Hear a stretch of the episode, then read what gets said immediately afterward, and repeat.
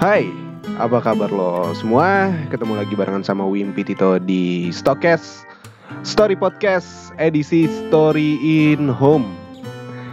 Story in Home nih ya. Um, balik lagi dan thank you banget kemarin yang udah ngirimin voice note ya. Buat lo yang udah ngirim voice note, thank you banget ya. Dan bakal gue taruh di mana? Di Story in Home ya. Episode 8 udah gue taruh beberapa dan sisanya bakal gue taruh di episode hari ini. Jadi buat lo yang mau ngirim voice note, mau nyeritain lo ngapain aja selama work from home, selama lo di rumah, lo boleh kirim voice note lo ke email di stokes.id Oke, seperti biasa ya, gue bakal update info terbaru dari COVID-19 yang gue dapat dari corona.jakarta.go.id .go.id ya, oke.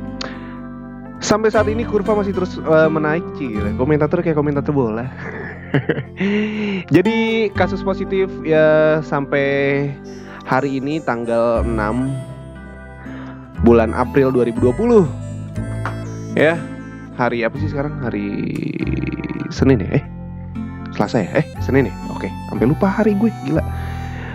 Uh, sebanyak 2491 kasus positif yang dirawat ada 2090 sembuh 192 meninggalnya 209 Oke lanjut lagi Dan eh, itu eh, tadi data dari pantauan COVID-19 Jakarta yang gue dapat dari corona corona.jakarta.go.id Gimana? Udah hari keberapa sih sekarang? Ah? Work from home hari keberapa sih sampai lupa ya dan kemarin thank you yang udah ngirim VN atau voice note banyak banget yang ngasih tahu. Uh, ternyata ini ya positifnya adalah yang perempuan yang tadinya nggak bisa masak jadi uh, doyan nyobain menu-menu baru, menu-menu simple jadi bisa masak. Terus juga apa namanya kebaikan yang cowok sih pada ya nonton Netflix ya nggak nggak cewek nggak cowok sih ya nonton Netflix Terus juga banyak yang main game juga. CD-CD atau kaset PS lumayan laku. um, gue gue menjadi orang atau pegawai yang ikut diperpanjang masa work from home ya sampai tanggal 20 baru masuk. Ya kalau tidak ada perpanjang lagi dari pemerintah ya. gitu. Kalau lo gimana? Ada yang udah masuk hari ini, hari Senin? Kalau misalkan lo masih masuk hari Senin, ya hati-hati aja ya. Tetap uh, stay safe. Uh, harus jaga ketika lo berbicara dengan orang lain.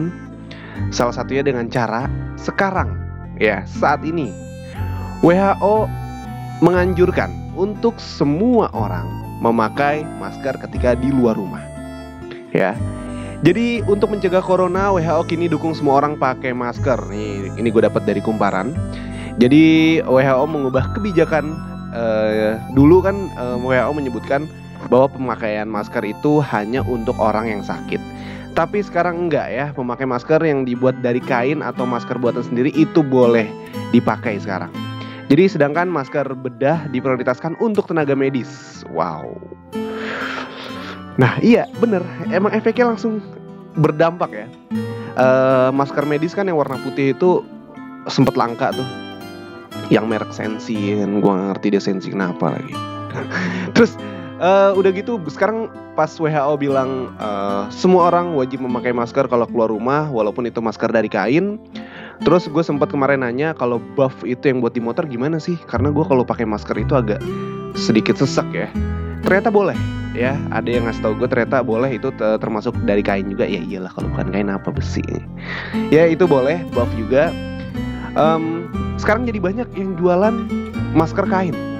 Brengsek ya brengseknya tuh ada yang jual dua dua ribu lima ratus ada yang jual sepuluh ribu satunya. Bahkan ada yang 15 sampai dua puluh ribu. Gila eh. Masih mengambil untung di tengah pandemi COVID-19 ini luar biasa. Ya, kalau saran dari gue adalah mendingan bikin sendiri ya. Dan gue mau apa namanya? Mau bilang ada temen kuliah gue ya satu jurusan gue desain juga dia emang lebih ke desain baju dan kemarin itu gue instastorynya dia sempat bikin um, masker dari kain dan itu bermotif dan itu keren banget. Dan itu dia pakai untuk diri dia untuk diri dia sendiri. Entah dia bikin banyak dan dikasih ke temennya mungkin dikasih ya atau yang gue lihat sih dia tidak secara langsung menjual sih tapi itu keren sih gue keren banget. Maksud gue ada temen gue ternyata yang punya inisiatif uh, dari apa namanya dari apa yang dia bisa lakukan yaitu adalah membuat masker dari kain dan itu maskernya keren menurut gue bermotif ya gue nggak tahu gue bisa beli dari dia atau enggak. Gue sih pengen beli kalau misalkan dijual gitu. Ya.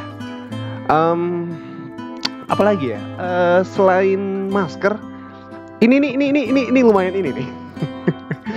Lumayan membuat um, netizen atau masyarakat agak sedikit berpaling yaitu dengan munculnya Dalgona Coffee. Jadi minuman yang lagi ngetren banget ya di tengah pandemi corona yang gue dapat berita dari kumparan juga. Jadi setengahnya ya, sejak satu minggu yang lalu itu media sosial diramaikan dengan dalgona coffee. Nah tampilan tuh banyak yang beredar di media sosial ya membentuk dua, le dua layer ya ini susu UHT dan juga foam kopinya sendiri. Jadi kayak semacam kebalikan gitu dari cappuccino espresso. Jika espresso um, maka susunya yang dijadikan foam ya kan?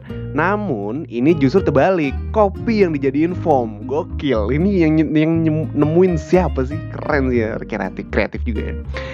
Jadi minuman ini menjadi tren baru di tengah masyarakat saat ini. Di TikTok Instagram sampai YouTube minuman ini masuk juga ke daftar kuliner paling dicari selama wabah corona. Kok bisa sih nih gua kasih tahu ya beritanya Jadi rupanya minuman ini sebetulnya bukanlah kuliner yang baru-baru amat sih ya. Emang minuman itu cukup baru populer di Korea Selatan sampai akhirnya menyasar dan memenuhi hampir di semua media sosial. Dalgona Coffee populer setelah pada sebuah acara TV di Korea pada Januari 2020. Wow, wow. Tapi kalau ngomong-ngomong Dalgona Coffee ya, banyak yang bilang Iya bikin kopi uh, ngaduknya sampai ot sampai sampai tangan berotot, sampai tangan putus lah. Aduh ngaduk dalgona kopi sampai tangan gue putus nih. Aduh namanya sampai ini ah lebay nggak begitu capek kok. Gue kemarin bikin ya, gue main bikin nggak sih dibikinin sih ya. Cuman gue sempet nyoba, sempet nyoba ngaduk ya gue dibikinin sama cewek gue gue sempat nyoba ngaduknya pakai saringan ternyata yang lebih cepet itu pakai saringan jangan pakai sendok. Lebih cepet sih pakai mi mixer sih ya. Tapi coba deh pakai saringan gitu. Saringan kayak buat apa sih buat teh ya? Diaduk di wadah itu lumayan lebih cepet sih ya. Nggak begitu capek kok. Dan lucunya adalah ngomong-ngomong tentang dalgona coffee beberapa waktu lalu si Raisa itu sempat nanya di Twitter yang lumayan bikin heboh seantero Twitter raya di Indonesia dan Raisa tuh nanya dalgona coffee itu apa sih guys? Iya. Nah terus yang tadi gue bilang ada yang jawab itu kak bikin kopi yang sampai tangan putus apa-apa gitu. Se terus si Raisa tuh balas gue lupa uh, apa namanya detailnya balasnya apa intinya sesusah itu kah apa-apa gitu wah lumayan sih ya tapi pas gue coba kemarin enak serius enak gue suka karena apa nggak terlalu manis gue suka yang nggak terlalu manis. Um, beberapa varian bisa lu buat sih ya. Kan kalau yang lain ngetrennya kan pakai Nescafe. Uh, Nescafe yang saset atau ya kopi ya kopi kopi lah intinya. Tapi ada beberapa yang bikin dari Milo ada yang bikin dari apa gitu bubuk apa dan dijadiin foam. Tapi lucunya bisa ya. Uh, diaduk gitu terus jadi foam enak jadinya. Enak serius pas diaduk tuh enak banget ya shout out pokoknya yang udah nemuin Dalgona Coffee. Yeah, gitu. Nah dari Dalgona Coffee kita pindah ya. Kita pindah beralih uh, ke hand sanitizer. Wow sangat mulus ya bridgingnya. Nah ngomong-ngomong tentang hand sanitizer nih ternyata uh, cara memakai hand sanitizer yang benar untuk cegah penularan virus corona ini nih ini yang gue dapat dari detik ya Pertama itu rajin cuci tangan dengan sabun dan air mengalir masih menjadi cara yang paling efektif ya mencegah penularan virus corona ini. Nah kalau misalkan nggak tersedia akses cuci tangan yang memadai, ternyata hand sanitizer dengan konsentrasi alkohol 60-70% itu bisa menjadi alternatif yang bisa membunuh sebagian besar kuman dengan cepat. Wah, untung hand sanitizer gue alkohol semua nih 70% ya. Tapi apakah lu udah bisa memakai hand sanitizer dengan benar? Waduh, ternyata ada caranya nih, ya kan? Lah, meskipun praktis ya, lu lu bilang ya udah sih cuma tinggal semprot ya kan, kocok-kocok tangan selesai. Ternyata meskipun praktis, cara penggunaannya juga harus diperhatiin, ya.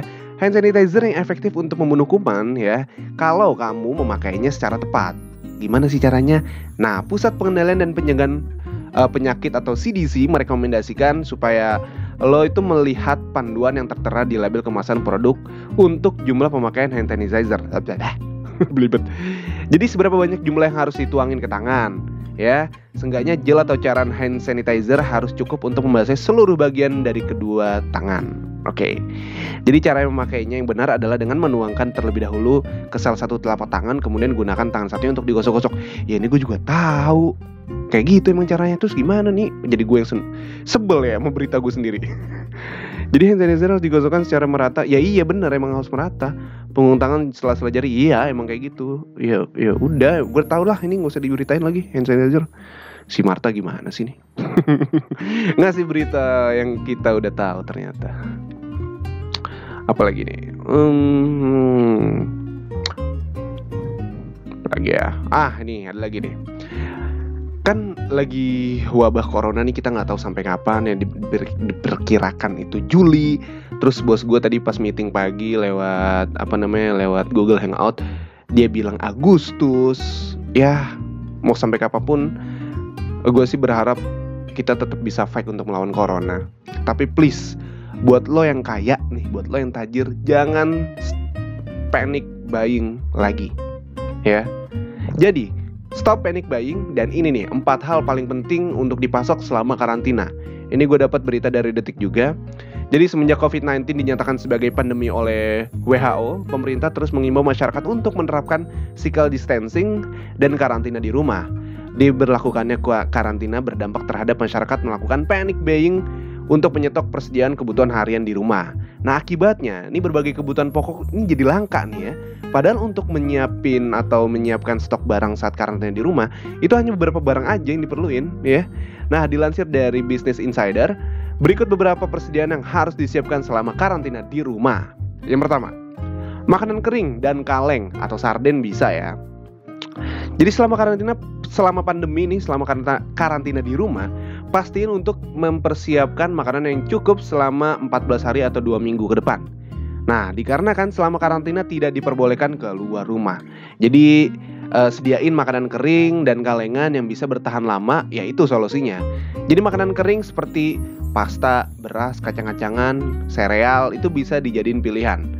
Nah, siapin juga makanan kaleng seperti ya tuna, sarden, bumbu pasta dan ya pokoknya yang dikaleng-kaleng lah ya kerupuk juga itu yang di kaleng. Itu perlu itu kerupuk ya. Itu yang pertama. Yang kedua perawatan pribadi. Nah perawatan pribadi seperti sabun sampo tisu toilet yang langka banget ya. Walaupun di Indonesia nggak terlalu berdampak karena di Indonesia nyeboknya itu ya pakai air. Kalau di luar negeri atau Eropa itu nggak kenal yang namanya jebok pakai air itu adalah toy eh tisu toilet ya. Tuh. Terus selanjutnya popok anak dan juga hand sanitizer Nah ini harus dipersiapkan selama karantina di rumah. Jangan lupa juga selalu sediain sabun khusus untuk mencuci tangan.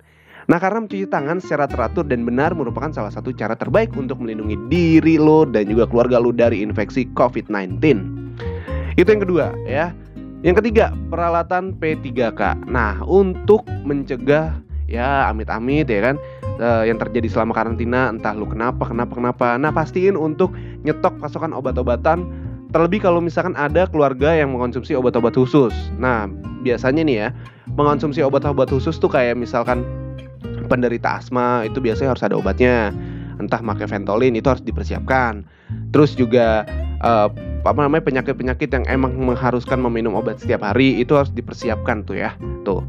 Termometer, jangan lupa antibiotik, perban dan ya lain-lain harus dipersiapkan lah betadin segala macem.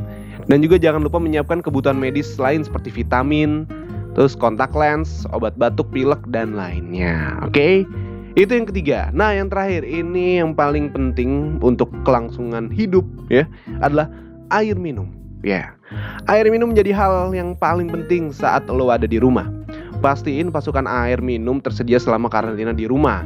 Jadi lu siapin deh ya beberapa galon air tuh bisa jadi solusi tuh saat pandemi COVID-19. Nah, itu beberapa kebutuhan yang harus disiapin saat lo karantina di rumah selama pandemi COVID-19. Pasok kebutuhan harian masih kurang, hmm, jangan takut ya, jangan panik buying. Paling nggak minimal lo harus nyiapin empat uh, apa namanya empat persediaan yang tadi gue kasih tahu. Yang pertama makanan kering dan kaleng. Jangan Indomie diborong, aduh Uh, bukan itu. Makanan kering dan kaleng. Oke, ya walaupun Indomie kering, walaupun udah direbus jadi basah, ya udahlah ya. Jangan Indomie. Ntar lu eh kor Selesai corona usus buntu malah ya. Perawatan pribadi itu ya, peralatan mandi lah ya. P3K itu penting dan juga air minum galon tuh harus dipersiapkan. Ya, kalau misalkan budgetnya kurang ya udah rebus air aja ya. Oke. Setelah itu ini gue dapat berita tambahan dari si Marta bahwa ternyata uh, para autor alias pembuat manga di webtoon lain itu memberi dukungan kepada masyarakat Indonesia untuk melawat COVID-19 dengan membuat ini komik. Wah bisa lu lihat deh. Gue nggak tahu ya, gue nggak pernah jarang buka lain webtoon itu gue jarang baca. Nggak nggak baca lebih tepatnya. Ini entah beli atau gratis, lu bisa lihat deh ya. Karena para para uh, komikus ini membuat dukungan kepada masyarakat Indonesia untuk melawan COVID-19. Itu dia berita untuk hari ini ya. Semoga hari Senin yang menyenangkan walaupun sore dari siang sih, dari siang ke sore Jakarta diguyur hujan lumayan lebat dan tadi gue di di grup kantor gue heboh jadi ada salah satu teman kantor gue itu nge-share video dari Jakarta Info kalau nggak salah dia tentang kondisi awan yang gelap banget awan Jakarta. Terus gue sempet salah fokus, ternyata ada yang mirip The Night King yang ada di Game of Thrones. itu gue buletin. Coba deh, lu buka kalau nggak salah Jakarta Info ya. Itu gue buletin kalau misalnya di, di rotate itu mirip kayak kepalanya ini The Night King yang ada di Game of Thrones. Ya udah, itu aja kali ya berita hari ini, Cigi. Gitu. ya pokoknya jangan lupa yang mau kirim voice note yang mau ngasih tahu lo selama WFH ngapain aja boleh langsung aja kirim ya kirim ke email di mana lupa gue oh ya stokes.id@gmail.com karena nanti voice note lo bakal gue taruh di ending ketika story in home selesai gitu nih pokoknya nih abis ini gue closing langsung ada voice note-nya voice note lo yang udah lo kirim oke okay? yaudah kalau gitu nggak uh, lupa dan nggak bosan gue ngingetin untuk stay di rumah stay at home. Jangan lupa sering-sering cuci tangan, jaga kesehatan, keluar hanya untuk um, keperluan tertentu aja. Yang penting, kalau nggak penting jangan berkumpul ya. Ingat jangan berkumpul, jangan keluar yang nggak penting, jaga keluarga lo di rumah, stay healthy, dan sekali lagi stay at home. Wimpi itu pamit, sampai ketemu lagi besok di Story in Home episode selanjutnya. Yaudah, kalau gitu, yaudah, udah gitu aja ya. Dah, bye. Halo, nama gue Lim Yonatan. Selama WFH ini, gue sebenarnya kerja, tapi pulang lebih awal aja sih buat ngejagain tim. Di rumah gue cuma main PS, nonton Netflix, begadang. Abis itu langsung lambung kan gara-gara ngopi terus. Hai, nama gue Cynthia. Gue mau sedikit sharing kegiatan gue selama work from home. So, setiap pagi gue nyapa kucing gue, bersihin kandangnya dan kasih makan. Siangnya gue mandi, masak sambil bikin IGTV, edit video, tidur. Dan sore menjelang malam gue main Call of Duty Mobile. Kadang gue upload IGTV, kadang enggak sih. Dan malamnya gue tidur. Kalau lo gimana?